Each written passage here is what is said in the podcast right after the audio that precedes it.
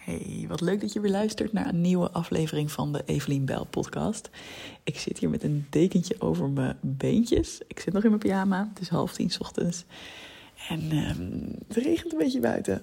Ja, jammer. Ik wou lekker een rondje gaan wandelen. Nou, dat wou ik eigenlijk helemaal niet. Maar dat vind ik dan een goed idee om s ochtends te doen. Maar nu kon ik mezelf voorhouden. Nee, maar de regent, dus dan uh, hoeft het niet. Misschien later.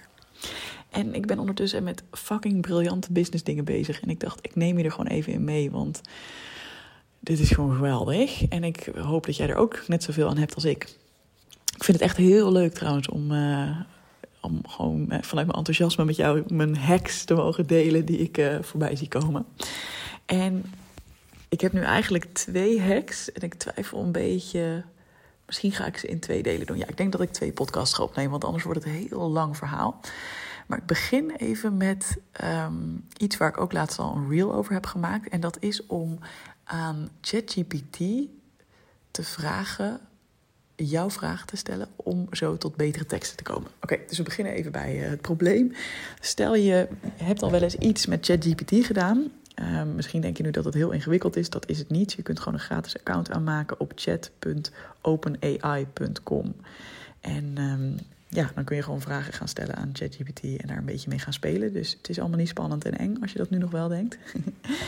um, en voor iedereen die er misschien al wel eens een keer mee heeft gespeeld, soms valt de kwaliteit van de teksten. Stel dat je bijvoorbeeld zegt: schrijf een Instagram-post. Of uh, weet je wel, kom met een, uh, een titel voor mijn mail of mijn e-book. Dan zie je dat het soms echt heel cringe is en echt heel slecht. En dat je denkt: hmm, oké. Terwijl je dan al best wel wat informatie hebt gegeven. Het begint zo dat je natuurlijk wat informatie moet geven over jouw uh, doelgroep. Over je, wie jij misschien bent, of in ieder geval wat jij doet. Um, over het programma wat je wil verkopen, of de dienst, of wat het ook is. En ja, alsnog komt er dan soms ja, heel veel troep uit. En hoe ik het tot nu toe ook heel erg gebruik is uh, meer van... ja, geef me twintig mogelijke ideeën voor podcasttitels of honderd. En dan soms zit er een woord in dat ik denk... ah, of een kleine frase, die gebruik ik dan. Dus zo kom ik weer op ideeën. Uh, dus dit gaat even heel specifiek over teksten schrijven. En ik zag laat iets voorbij komen op Instagram. Toen dacht ik, dit is slim. en is meteen ook een hele goede oefening voor jezelf om super scherp te worden in je marketing. Het vergt wel even wat tijd, maar hoe je het aanpakt is als volgt. Ik ga gewoon letterlijk even voorlezen. Ik heb hier mijn ChatGPT openstaan. Um, wat trouwens goed is om te weten, Um, ik gebruik elke keer voor echt een nieuw onderwerp gebruik ik ook een nieuwe window. Dus ga ik echt even in een nieuw venstertje van ChatGPT werken. Want uh, stel, ik heb ook een keer iets gevraagd. Oh ja, recepten voor lekker gezond eten. um, ja, dan gaat dat door elkaar lopen. Weet je, als je dan in dat venstertje verder gaat. Dus ik open een nieuw onderwerp. Maar als ik later weer een keer, en dat zal ik je zo meteen in die tweede podcast die ik ga maken, die dus morgen online komt, um, zal ik daar verder over vertellen. Als ik doorga op eenzelfde onderwerp, ook al is het weer een iets andere insteek, maar ik wil dat ChatGPT de informatie meeneemt die ik al gegeven heb. Dan ga ik dus door in hetzelfde venster. Dus ik heb bijvoorbeeld één uh, heel venster waarin ik alles rondom de Perfectionisme Coach Academie heb uitgewerkt. En uh, daar heb ik dus allerlei vragen gesteld over wat zou mijn doelgroep willen leren, wat voor bezwaren kunnen ze. Nou, en, en, dan kom ik ook misschien weken later weer een keer terug en dan ga ik weer daar in dat venstertje verder, omdat ik dan wil dat hij die eerdere informatie meeneemt. Dus dat is goed om te weten. Dus ik opende een nieuw venster hier en ik zei: Hoi, ik wil je zo meteen vragen om teksten voor me te schrijven. Denk aan een salespage, een Instagram post uh, en podcast outlines. Om dit zo goed mogelijk te laten aansluiten, wil ik graag dat je me minimaal 20 vragen stelt over mijn doelgroep, mijn programma en wat ik wil bereiken. En ik heb dit, als je denkt van, oh, een moeilijke lange vraag, ik heb dat ook in een um, Instagram reel gezet. Dus je kunt even naar mijn Instagram gaan, Evelien uh, underscore bijl. En even kijken hoe ik het kan uitleggen. Ik pak hem er even bij, zodat ik het... Volgens mij is het een paarse achtergrond. Ja, paarse achtergrond. Je ziet mijn vingertje omhoog gewezen. Ik heb een beetje kerstige outfit aan. En er staat de vraag om ChatGPT beter te laten schrijven. Dus die kun je even opslaan of, uh, of in ieder geval bekijken. Zodat je deze zin paraat hebt. Dus je vraagt eigenlijk aan ChatGPT om jouw vragen te gaan stellen. En dat vond ik zo revolutionair. Ik heb dit niet zelf verzonnen. Ik heb de credits ook in de reel gezet bij wie ik dit heb uh, gezien ik vind het zo slim omdat meestal, ja, ik geef wel wat input, maar dan wil ik eigenlijk heel snel dat ChatGPT het allemaal voor mij gaat verzinnen, weet je wel? Dat ik denk, oh ja, dat is handig, dat, dat dat programma lekker aan het werk gaat. Maar natuurlijk, hoe beter informatie dat programma heeft, hoe beter er vervolgens teksten geschreven zullen kunnen worden. Dus ik kreeg bijvoorbeeld ehm, over mijn doelgroep de vraag van wie vormt de kern? Kun je demografische kenmerken beschrijven, zoals leeftijd, geslacht, locatie, beroep, interesses? Wat zijn hun specifieke uitdagingen, problemen, behoeften? Nou, ik kreeg daar zes vragen over. Over mijn programma kreeg ik uh, zeven vragen van... Um, hoe past het programma in het leven van je doelgroep? Welke impact kan het hebben? Uh, wat zijn de belangrijkste kenmerken en voordelen? Um, ja, hoe ziet het er precies uit? Weet je wel? Dus daar kreeg ik allemaal vragen over. En dan ook vragen over wat ik wilde bereiken. Dus ik had zelf deze drie gebieden uh, aangegeven. Maar je kunt natuurlijk zelf ook kiezen om een andere vraag te stellen. Of om een beetje te tweaken, om te kijken wat voor vragen er dan uitkomen. Ik had ook zeven, over, zeven vragen over wat ik wil bereiken. En die heb ik beantwoord. En het alleen al beantwoorden gaf me alweer bepaalde hoeken, of hoe zeg je dat? Ja, bepaalde nieuwe inzichten van, oh ja, oh ja, dit is eigenlijk waarom ik dit ook doe. En zo even kijken of ik een inzicht met je kan delen, wat ik heel uh, um, mooi vond. Ja, mijn programma, volgens mij. Even kijken hoor.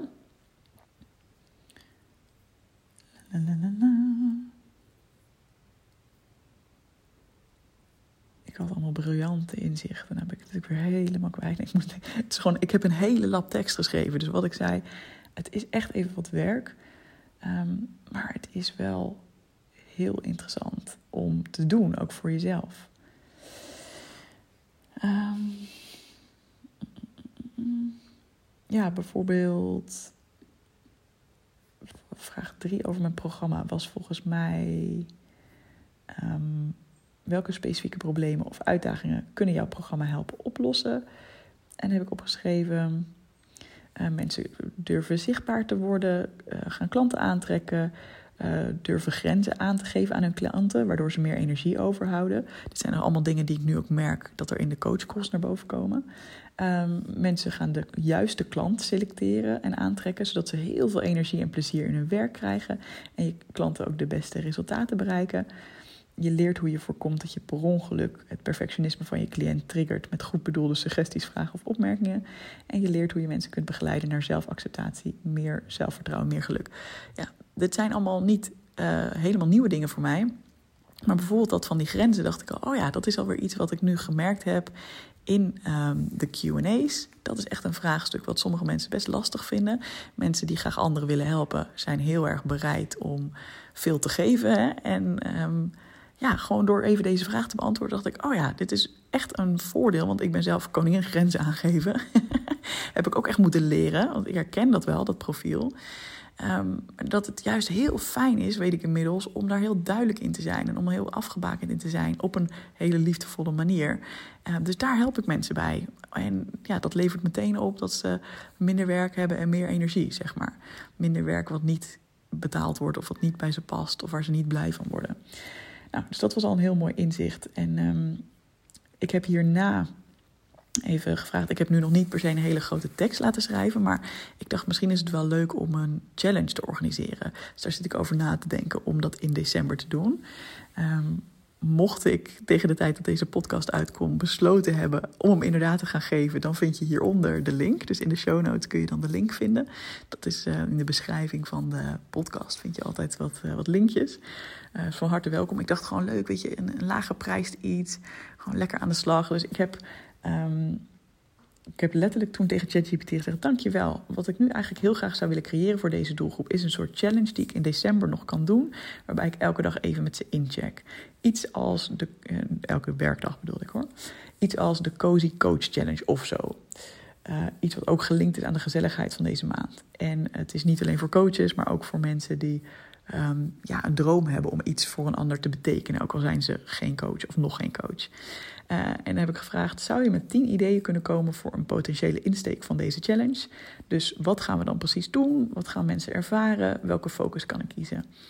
Nou, en het leuke is, meestal als ik met dit soort vragen kom, dan, kom, dan heb ik echt zoiets van: nou, die antwoorden, ik weet het niet. Maar er kwamen tien dingen uit waarvan ik er drie echt best wel heel leuk vond. Uh, dat was Reflective Fireside Chats, dagelijkse prompts. Hè, dus dit zegt ChatGPT.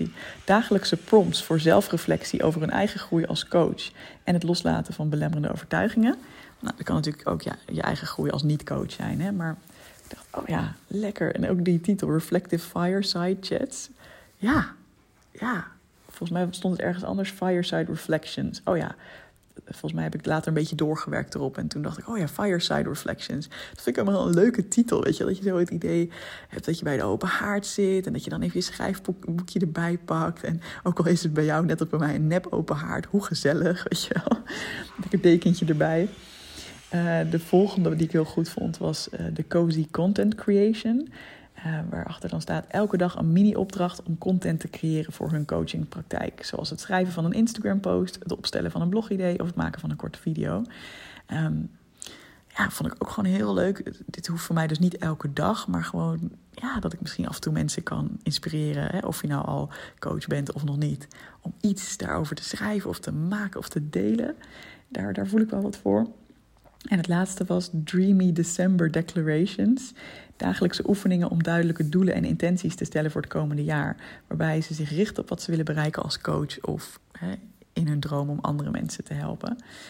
Um, ja, vond ik ook heel leuk. En toen dacht ik van ja, eigenlijk zou ik niet één van deze dingen willen, maar misschien wel een combinatie. Dus nou, weet je, zo, zo raak ik dan geïnspireerd. Dus ik denk van ja, content prompts, heel leuk. Maar ik wil helemaal niet mensen heel december opzadelen met je moet elke dag content maken. Uh, reflectievragen, heel leuk. Maar ik wil helemaal niet mensen weet je wel, uh, elke dag daartoe dwingen. Um, elke dag nadenken over wat je komend jaar wil, hoeft voor mij ook niet. Maar hoe gezellig om er een soort van combi van te maken. Dus nou, zo ben ik weer aan het denken gezet.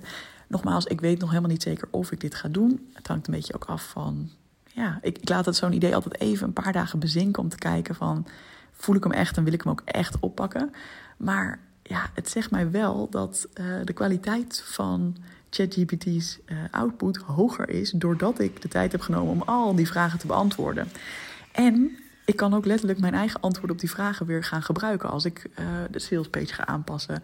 Ik ga pas, uh, ja, komend jaar komt ronde 2 van DBA. Je kunt je wel alvast inschrijven voor de wachtlijst. Uh, begin februari is de eerste ronde afgelopen, dus daarna zal de nieuwe ronde gaan starten. Um, maar hoe fijn dat ik deze input allemaal een keer heb opgeschreven. En dat je dat niet helemaal uit het niks hoeft te bedenken. Maar dat er dan gewoon vragen vanuit ChatGPT komen. Dat is toch heerlijk? Nou, ik hoop dat jij er ook wat aan hebt. Laat het me zeker weten. Ik zal in de podcast van morgen, die ik zo meteen meteen ga opnemen, je ook meenemen in nog iets wat ik hier heb gedaan. En wat echt, ja, dit kan heel spannend voor je voelen. Um, maar dit, ik voel aan alles dat dit een echte game changer is. Als jij vertrouwen wil winnen bij potentiële klanten, dan is dit echt hetgene wat je te doen hebt. En waar je, ja, waar je ook ChatGPT weer bij in kan schakelen. Dus die komt er morgen aan. Ik hoop dat je net zo excited bent als ik. en ik zou het heel leuk vinden als je uh, me even laat weten of je hier wat aan hebt gehad. En als je de podcast waardeert, dan help je me ook heel erg door om vijf sterren te geven.